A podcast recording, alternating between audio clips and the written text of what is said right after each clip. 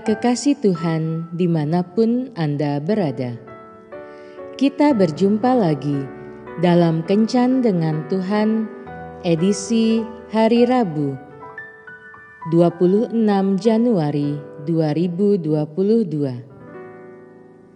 Dalam Kencan kita kali ini, kita akan merenungkan ayat dari Kolose bab 3 ayat 13 Sabarlah kamu seorang terhadap yang lain, dan ampunilah seorang akan yang lain apabila yang seorang menaruh dendam terhadap yang lain. Sama seperti Tuhan telah mengampuni kamu, kamu perbuat jugalah demikian. Para sahabat kencan dengan Tuhan yang terkasih, beberapa tahun yang lalu kita dikejutkan oleh sebuah berita pembunuhan sadis.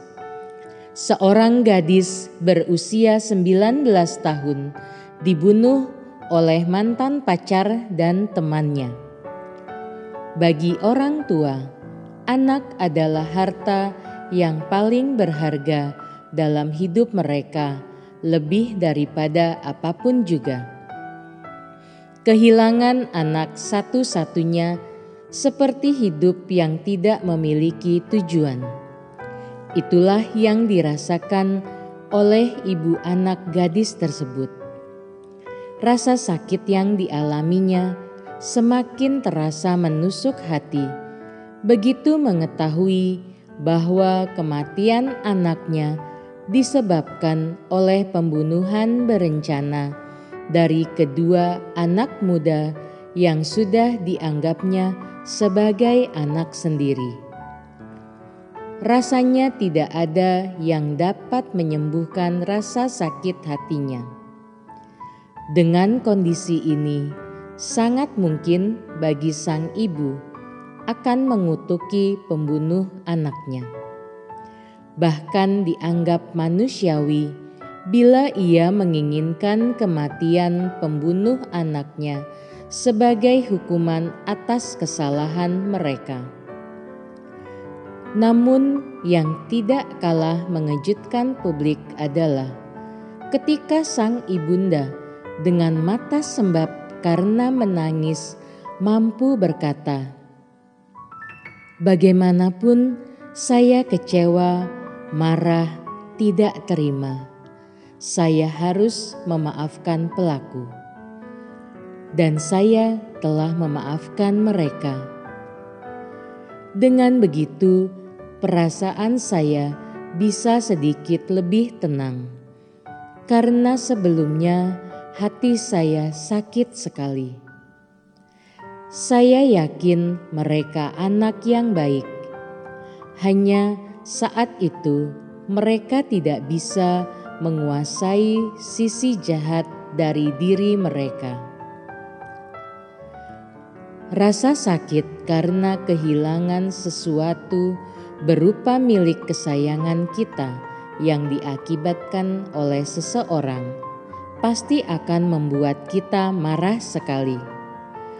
Namun, karena kebesaran hatilah, ibu tersebut mau melapangkan dadanya untuk menerima kenyataan bahwa anaknya telah tiada.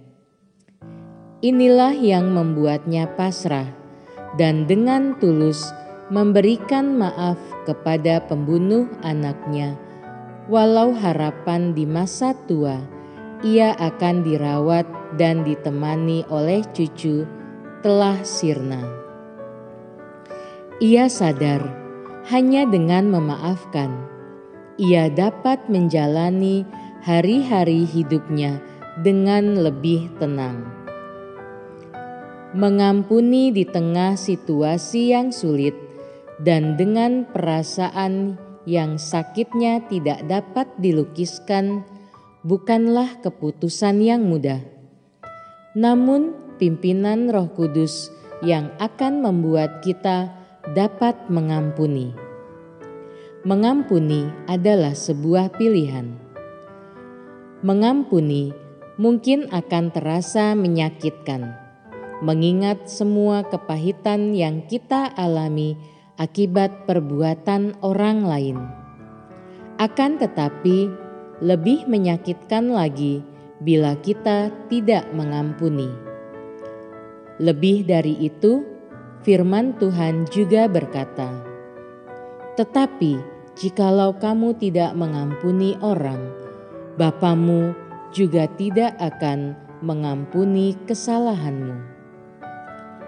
Ketika kita tidak dapat mengampuni, maka setiap permohonan ampun yang kita naikkan di hadapan Bapa akan menjadi sia-sia. Lepaskanlah pengampunan dan hiduplah dengan bebas tanpa beban sakit hati. Tuhan Yesus memberkati. Marilah berdoa. Tuhan Yesus, dengan kasih-Mu, aku akan mengampuni orang yang menyakitiku seberat apa pun itu, agar Engkau juga mengampuni kesalahanku. Amin.